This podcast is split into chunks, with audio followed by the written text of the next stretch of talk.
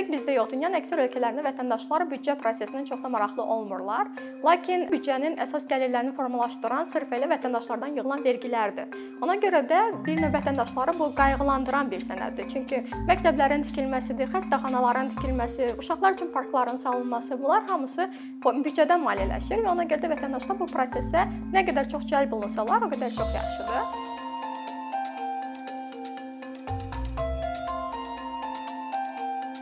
Bugünkü mövzumuz büdcədə ictimai iştirakın təmin edilməsi ilə bağlıdır. Bu mövzuya birbaş keçid etməzdən qabaq ilk öncə istəyirsiniz qısa şəkildə baxaq ki, büdcə nədir, büdcə prosesi nələrdən ibarətdir, büdcə təqvimi necə olur? Büdcə dedikdə dövlətə və bələdiyyələrə məxsus vəzifələrin, funksiyaların yerinə yetirilməsi üçün lazım olan pul vəsaitlərin yığılmasını, onlardan istifadəni təmin edən maliyyə sənədi nəzərdə tutulur. Bəs büdcənin məqsədi nədir? Büdcənin məqsədi ölkənin sosial-iqtisadi, strateji problemlərin həllinə yönələn proqramların belə deyək, həyata keçirilməsində bu vəsaitlərdən yığılma və onlardan istifadə edilmədir. Büdcə əlbəttə ki, mərkəzləşdirilmiş və yerli gəlir və xərclərdən ibarət olur. Burada gəlirlərin tərkibini, yəni mühüm bir hissəsini dövlətin vətəndaşlardan yığılan vergiləri formalaşdırır.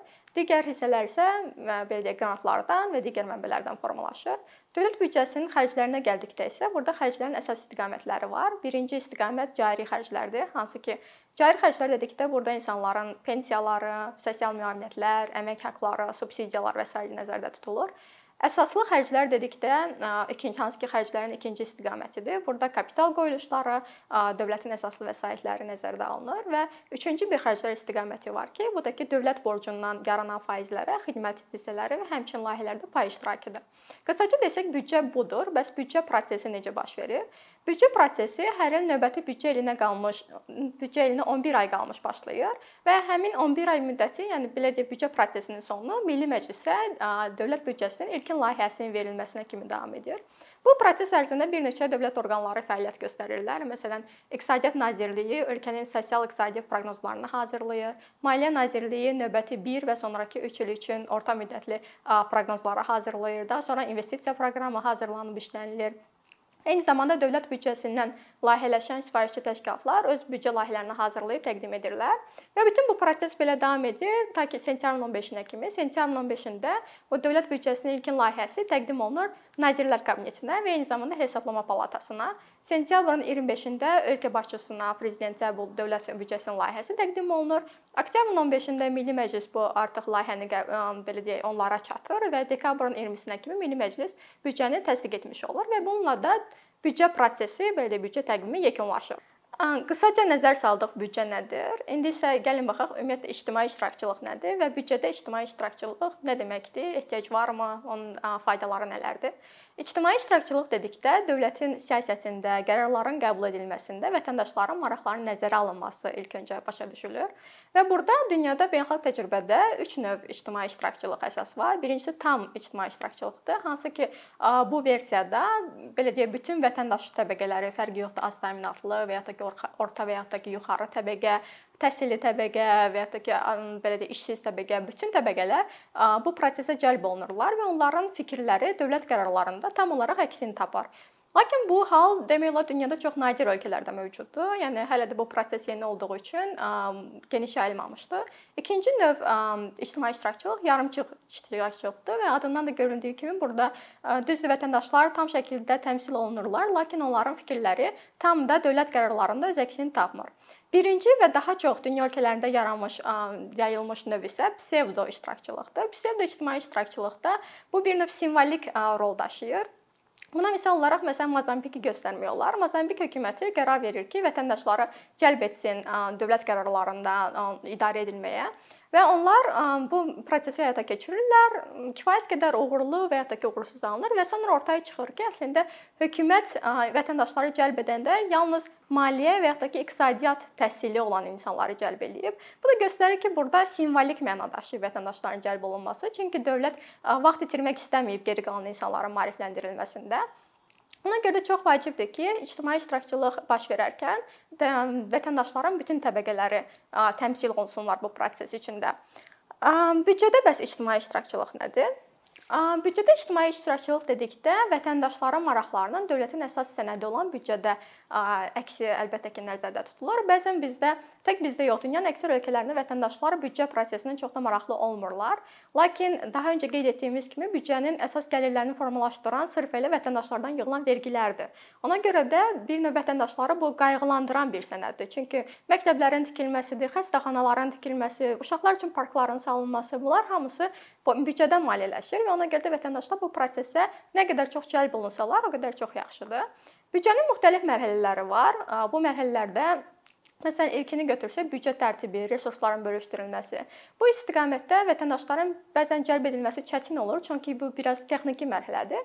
Lakin bəzi dünya ölkələri var ki, bu təcrübəyə artıq belə müsbət mənada nail olmuşlar. Məsələn, hamımızın bildiyi kimi Estoniya texnoloji yenilikləri ən çox istifadə etməyi, düzgün təqdim etməyi bacaran bir ölkədir. Estoniyanın ikinci ən böyük şəhəri olan Tartu şəhərində Belə bir təcrübə var ki, vətəndaşlara illik investisiya büdcəsinin 1 və yaxud da 2% bir növ onların səlahiyyətinə verilir və vətəndaşlar yığılıb qərar verirlər ki, Tartu şəhərində hansı layihələrin həyata keçirilməsinə ehtiyac var? Məsələn, yeni yol salınmalıdır və ya da ki, mövcud olan məktəb yenidən təmir olunmalıdır. Yəni vətəndaşların nəyə ehtiyacı varsa, onlar bunu bir dövlətə, dövlət nümayəndələrinə təqdim edirlər və daha sonra onlayn səsvermə keçirilir bir application üzərindən və həmçinin fiziki səsvermə də baş verir və həmin layihələr arasından ən çox şəhərin vətəndaşlarının səs yığdığı, ən çox ehtiyacı olan layihələr dövlət tərəfindən maliyyələşir. Və bu da göstərir ki, yəni kiçik bir faiz olsa da, yəni vətəndaşların əsas fikirləri şəhərin belə infrastrukturunun yaxşılaşmasında nəzərə alınır. Eyni zamanda Cənubi Koreyada da belə bir təcrübə var. İl ərzində 5-6 gün olur ki, hansı ki orada vətəndaşların bütün nümayəndələri dəvət olunur, açıq qapı şəklində iclaslar keçirilir. Hətta televizorda da bu yayımlanır və orada dövlət rəsmiləri açıqlayırlar ki, bəs növbəti ilin büdcə hədəfləri nələrdir, siz necə bu prosesə cəlb oluna bilərsiniz. Yəni bu ilkin mərhələdə vətəndaşların cəlb edilməsi bu şəkildə mümkündür. Lakin vətəndaşların ən çox rol oynadığı büdcə mərhələsi büdcə icrası ilə bağlıdır. Büdcə icrası belə deyək, verilmiş əvvəlki ildə verilmiş büdcə layihəsi ilə hazırda icra edilən büdcə arasındakı uyğunsuzluqları və ya da ki, nə qədər uyğun olduğunu göstərən bir mərhələdir və bu müxtəlif ölkələrdə müxtəlif cür büdcə sistemləri var. Məsələn, bəzi ölkələrin büdcələrində sətir və sətir, buna line item based budgeting deyirlər. Orada göstərilir ki, məsələn, hansı ləvazimat alınmalıdır, bu ləvazimata nə qədər pul xərclənməlidir, nə qədər insan işə götürülməlidir, onların maaşı nə qədər olmalıdır. Yəni çox detallı şəkildə verilir. Lakin bəzi ölkələrin büdcələrində proqram əsaslı büdcə olur. Orada sadəcə qeyd edilir ki, bəs hansı proqrama, hansı hədəfə dövlət nail olmaq istəyir və aidiyyatı qurumların səlahiyyətinə verilir ki, bəs bu ümumi büdcəni bölüşdürsünlər. Və burada əlbəttə ki, ikinci növ büdcə sistemi olan ölkələrdə vətəndaşların üzərinə daha böyük rol düşür. Məsələn, Uqandada keçən əsrdə belə bir təcrübə olub. 92 1992-95-ci illərdə Uqanda hökuməti təhsilə ayıran xərcləri 2 dəfədən çox çoxaldır. Lakin 3 ilin sonunda təhlillər onu göstərir ki, təhsil səviyyəsində ölkədə heç bir dəyişiklik baş vermir. Və bu da əlbəttə ki, marağa səbəb olur və qeyri-hökumət təşkilatlarından biri belə bir araşdırma aparır. Onlar 39 bölgədən 19-unu seçirlər və orada yerləşən 250 dən məktəbə qısa bir sorğu göndərirlər ki, bəs 3 il ərzində sizə dövlət tərəfindən ayrılmış xərclər 2 dəfə artıb. Siz bu xərcləri, bu belə deyək, vəsaiti əldə etmisiniz yoxsa yox? Və ortaya maraqlı bir mənzərə çıxır. Sən demə, məktəblərin cəmi 13% bu vəsaiti əldə ediblər. Geri qalan 87% ümumiyyətlə söhbətdən xəbərləri yoxdur ki, bəs bunlar üçün bu qədər vəsait ayrılıb. Və daha sonra əlbəttə ki, bu məlumat mətbuata verilir, dövlət rəhbərliyinin də xəbər olur, vətəndaşların da, valideynlərin də və bir növ vətəndaşlarla dövlət rəhbərliyi, belə deyək, dövlət nümayəndələri əməkdaşlıq edərək bu prosesi, bu problemi aradan qaldırırlar. Eyni şəkildə Hindistanda da bir təcrübə baş verir. Hindistan Gujarat vilayətində line belə deyək sətir o detallı büdcə sistemi var. Hansı ki, orada göstərilir ki, həmin Gujaratda hansı kəndlərdə hansı yolların belə çəkilməsi üçün nə qədər vəsait ayrılır. Və onlarda da qeyri-hökumət təşkilatlarından biri kəndləri yaşayan nümayəndələrə sorğu göndərir. Sadəcə hə və yaxud da ki, yox cavabı istəyir ki, məsələn, sizə bu il 10 min rupiya ayrılıb büdcədən ki, filan istiqamətdə yol çəkilsin, quyular qazılsın. Siz bizə məlumat verərsiniz, həmin yol çəkilibmi? Yəni proses hansı istiqamətdədir?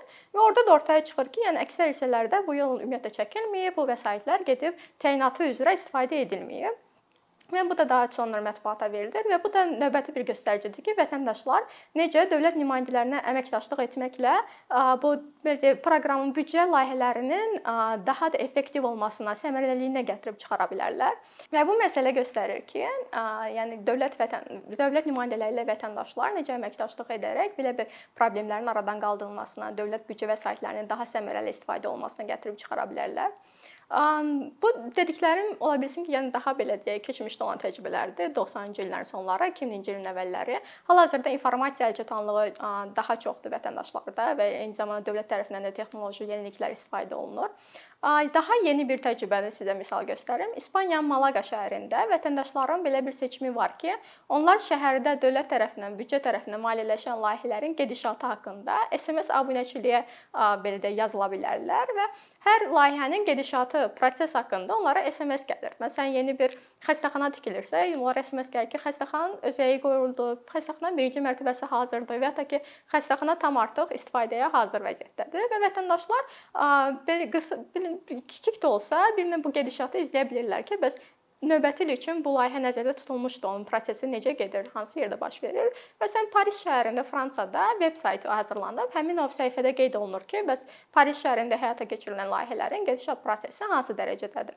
Yəni bu qeyd etdiyimiz mərhələ hansı ki, büdcənin icrası mərhələsidir, vətəndaşların ən çox rol ala biləcəyi bir mərhələdir. Əlbəttə bundan sonra büdcənin auditi, performans qiymətləndirilməsi mərhələsi də var ki, burada da vətəndaşlar cəlb oluna bilərlər. Lakin bu mərhələdə daha çox rol audit orqanlarının üzərinə düşür. Bizim ölkəmizdə də Hesablama Palatası bu istiqamətdə kifayət qədər iş görür. Lakin burada da qeyri-hökumət təşkilatlarının müəyyən maarifləndirmə işlərinin nəticəsində vətəndaşların cəlb edilməsi mümkündür.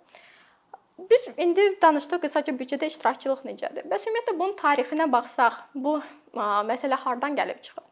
Deməli, ən birinci belə bir təcrübə Braziliyada yaşanıb. 1989-cu ildə Braziliyanın Porto Alegre şəhərində əvvəl hərbi diktatura mövcud olur. Daha sonra bu diktatura dağıldıqdan sonra işçilərin partiyası hakimiyyətə gəlir və onlar deyirlər ki, bizim əsas məqsədimiz vətəndaşların fikirlərinin büdcədə əks edilməsidir. Ona görə də onlar 4 mərhələdən ibarət bir belə deyək, prosedur həyata keçirirlər.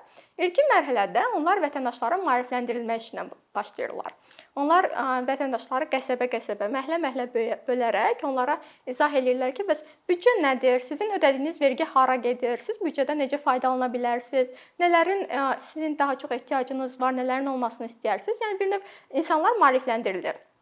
Artıq ikinci mərhələdə həmin qəsəbələrdə balaca-balaca iclaslar keçirilir və vətəndaşlar özləri layihələrin siyahısını tərtib edirlər ki, hansı layihələrin olmasını istəyirlər. Yəni öz qəsəbələrində, öz məhəllələrində hansı belə deyək, hansı bir məktəbin yenidən qurulmasını istəyirlər və ya da ki, nə bilim, yeni bir uşaq parkının yaradılmasına ehtiyac var.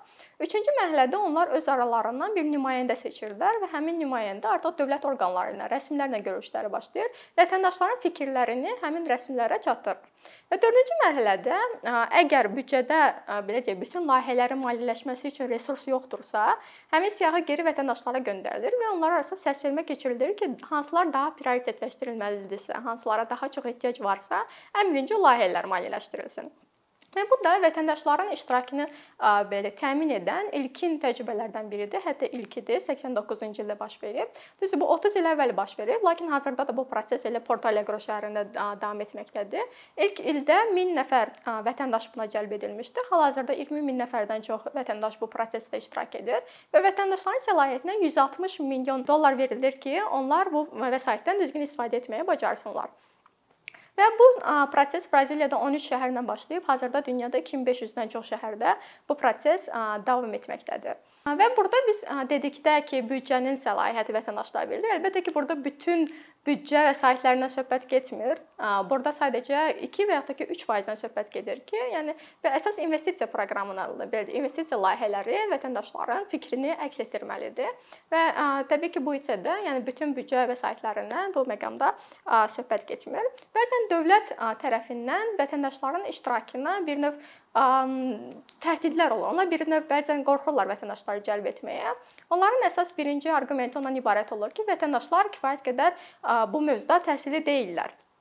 Ki bəzən həqiqətən rasional bir arqument olur. Çünki bu büdcədə ictimai iştirakçılıq dedikdə bu iki etaplı bir prosesdir. Birinci mərhələdə mütləq şəkildə vətəndaşlar maarifləndirilməlidir. Onlar bilməlidirlər ki, bəs büdcə nədir? Ümumiyyətlə büdcə vəsaitləri hardan yığılır? Onlar vergi ödəyirlərsə bu vergilər hara gedir? Və ikinci mərhələdə artıq onlar bu prosesə cəlb olunmalıdırlar. Yəni bəzən dövlətlərin belə deməkdə, yəni əsas onların rolu da ondan ibarət olmalıdır ki, və ya da ki, qeyri-hökumət təşkilatlarının da rolundan ibarət olmalıdır ki, vətəndaşlar bu hissədə kifayət qədər qədər maariflənsinlər.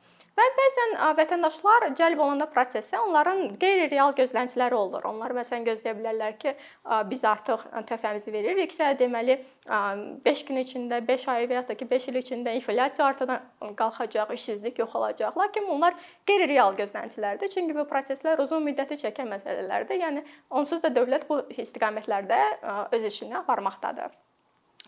Bəs büdcədə iştirakçılığın faydaları nədir? Ümumiyyətlə belə bir şeyə ehtiyac varmı? Təcrübə onu göstərir ki, bəzən dövlətlər ehtiyat edirlər ki, vətəndaşlar əgər bu prosesə cəlb olunarlarsa, onda dövlətə olan güvənləri azalacaq. Lakin təcrübə bunun tam əksini göstərir. Vətəndaşlar prosesə cəlb olunduğu andan dövlətin legitimliyi artmağa başlayır. Çünki vətəndaşlar artıq görəndə ki, bu necə kompleks bir məsələdir və onlar özləri bu layihələr üzərində işləyəndə, öz töhfələrini verəndə bir növ məsuliyyətin də bəzi hissəsini öz üzərinə götürməyə bacarırlar və bu məsuliyyəti götürdükdən sonra onlar belə deyək, daha ciddi qəbul edirlər büdcə sənədini. Hətta bəzən xüsusi kiçik bir mənfi tərəfləri olsa belə artıq ona göz yummağa başlayırlar. Yəni əvvəl etirazlarını bildirirlərsə, artıq göz yumurlar ki, yəni biz də onsuz bu prosesdə cəlb edilmişik. Biz bilirik ki, bunun bu necə kompleks məsələdir və biz bu istiqamətdə yəni qəbul edirik bu olduğu kimi. Digər fayda əlbəttə ki, şəffaflığın artırılmasıdır. Həm də ki, vətəndaş məsuliyyətinin artırılmasıdır. Çünki bəzən biz cəmiyyətdə görürük ki, ümumiyyətlə bu qlobal bir problemdir ki, vətəndaşlar məs vətəndaşlıq məsuliyyətini hiss etmirlər. Hər biri, yəni gündəlik qayğılarla məşğuldur və onlar artıq cəmiyyətdəki öz rollarını bir növ kənara qoymuş olurlar. Lakin bu prosesə cəlb edilməklə, artıq büdcədə rolları olmaqla onlar bir növ yadlarına salmış oluruq ki, bəs bu sizin büdcənizdir, sizin vəsaitinizdir və ondan siz doğru şəkildə istifadə etmək üçün öz belə deyə fikirlərinizi bildirməlisiniz dövlətə. Çünki bu qarşılıqlı əməkdaşlıq sahəsində olan bir məsələdir. Gəlin indi baxaq bəs Azərbaycanda ictimai iştirakçılıqla bağlı vəziyyət nə yerdədir? Bu yaxınlarda açıq büdcə indeksinin yeni bir reytinqi dərc olundu. Hansı ki, orada əsas 3 komponent var ki, ölkələr bu komponentlər üzrə sıralanırlar. Bunlardan birincisi şəffaflıq, digəri ictimai nəzarət və üçüncüsü büdcədə ictimai iştirakçılıqdan bağlıdır. Deməli, ilk iki komponent üzrə Azərbaycan öz mövqeyini kifayət qədər yaxşılaşdırıb. Ötən illərə nisbətən bu e, hissədə çox böyük irəliləyişlər var. Belə ki, şəffaflıq üzərindən 57, ictimai nəzarət üzərindən Azərbaycan mövcud 100 baldan 63 bal əldə etmişdi. Lakin üçüncü komponentə gəldikdə, hansı ki, bizim mövzumuzla əlaqədardır, büdcədə ictimai iştirakçılıq, bu istiqamətdə Azərbaycan mövcud 100 baldan cəmi 9 bal toplayıb. Və bu da onu göstərir ki, bu istiqamətdə aparılmalı olan kifayət qədər iş var.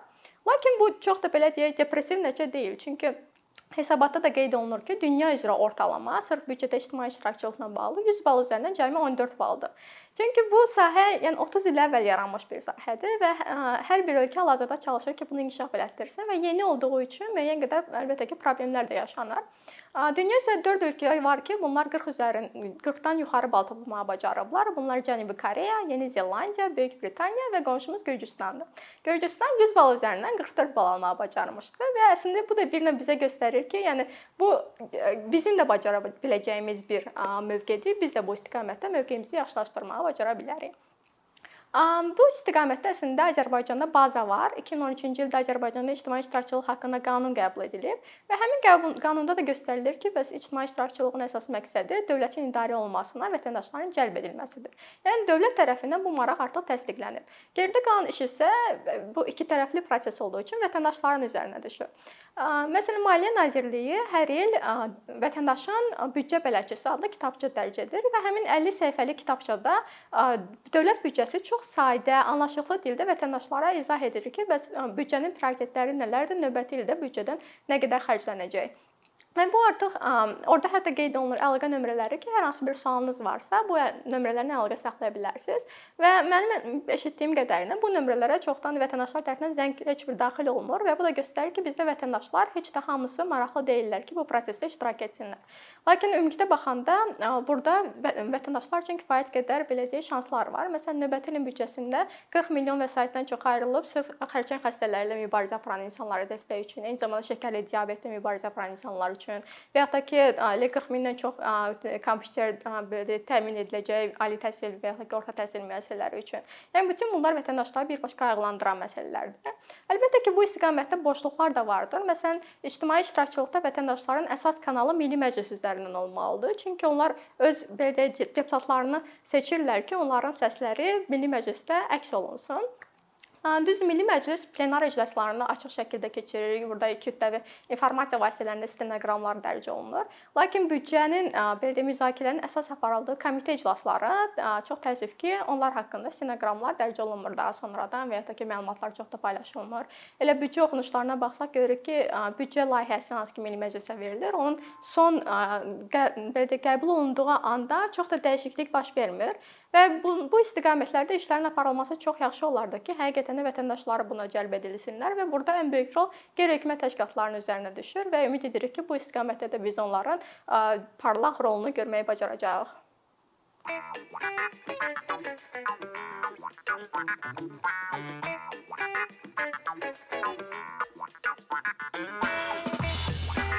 you.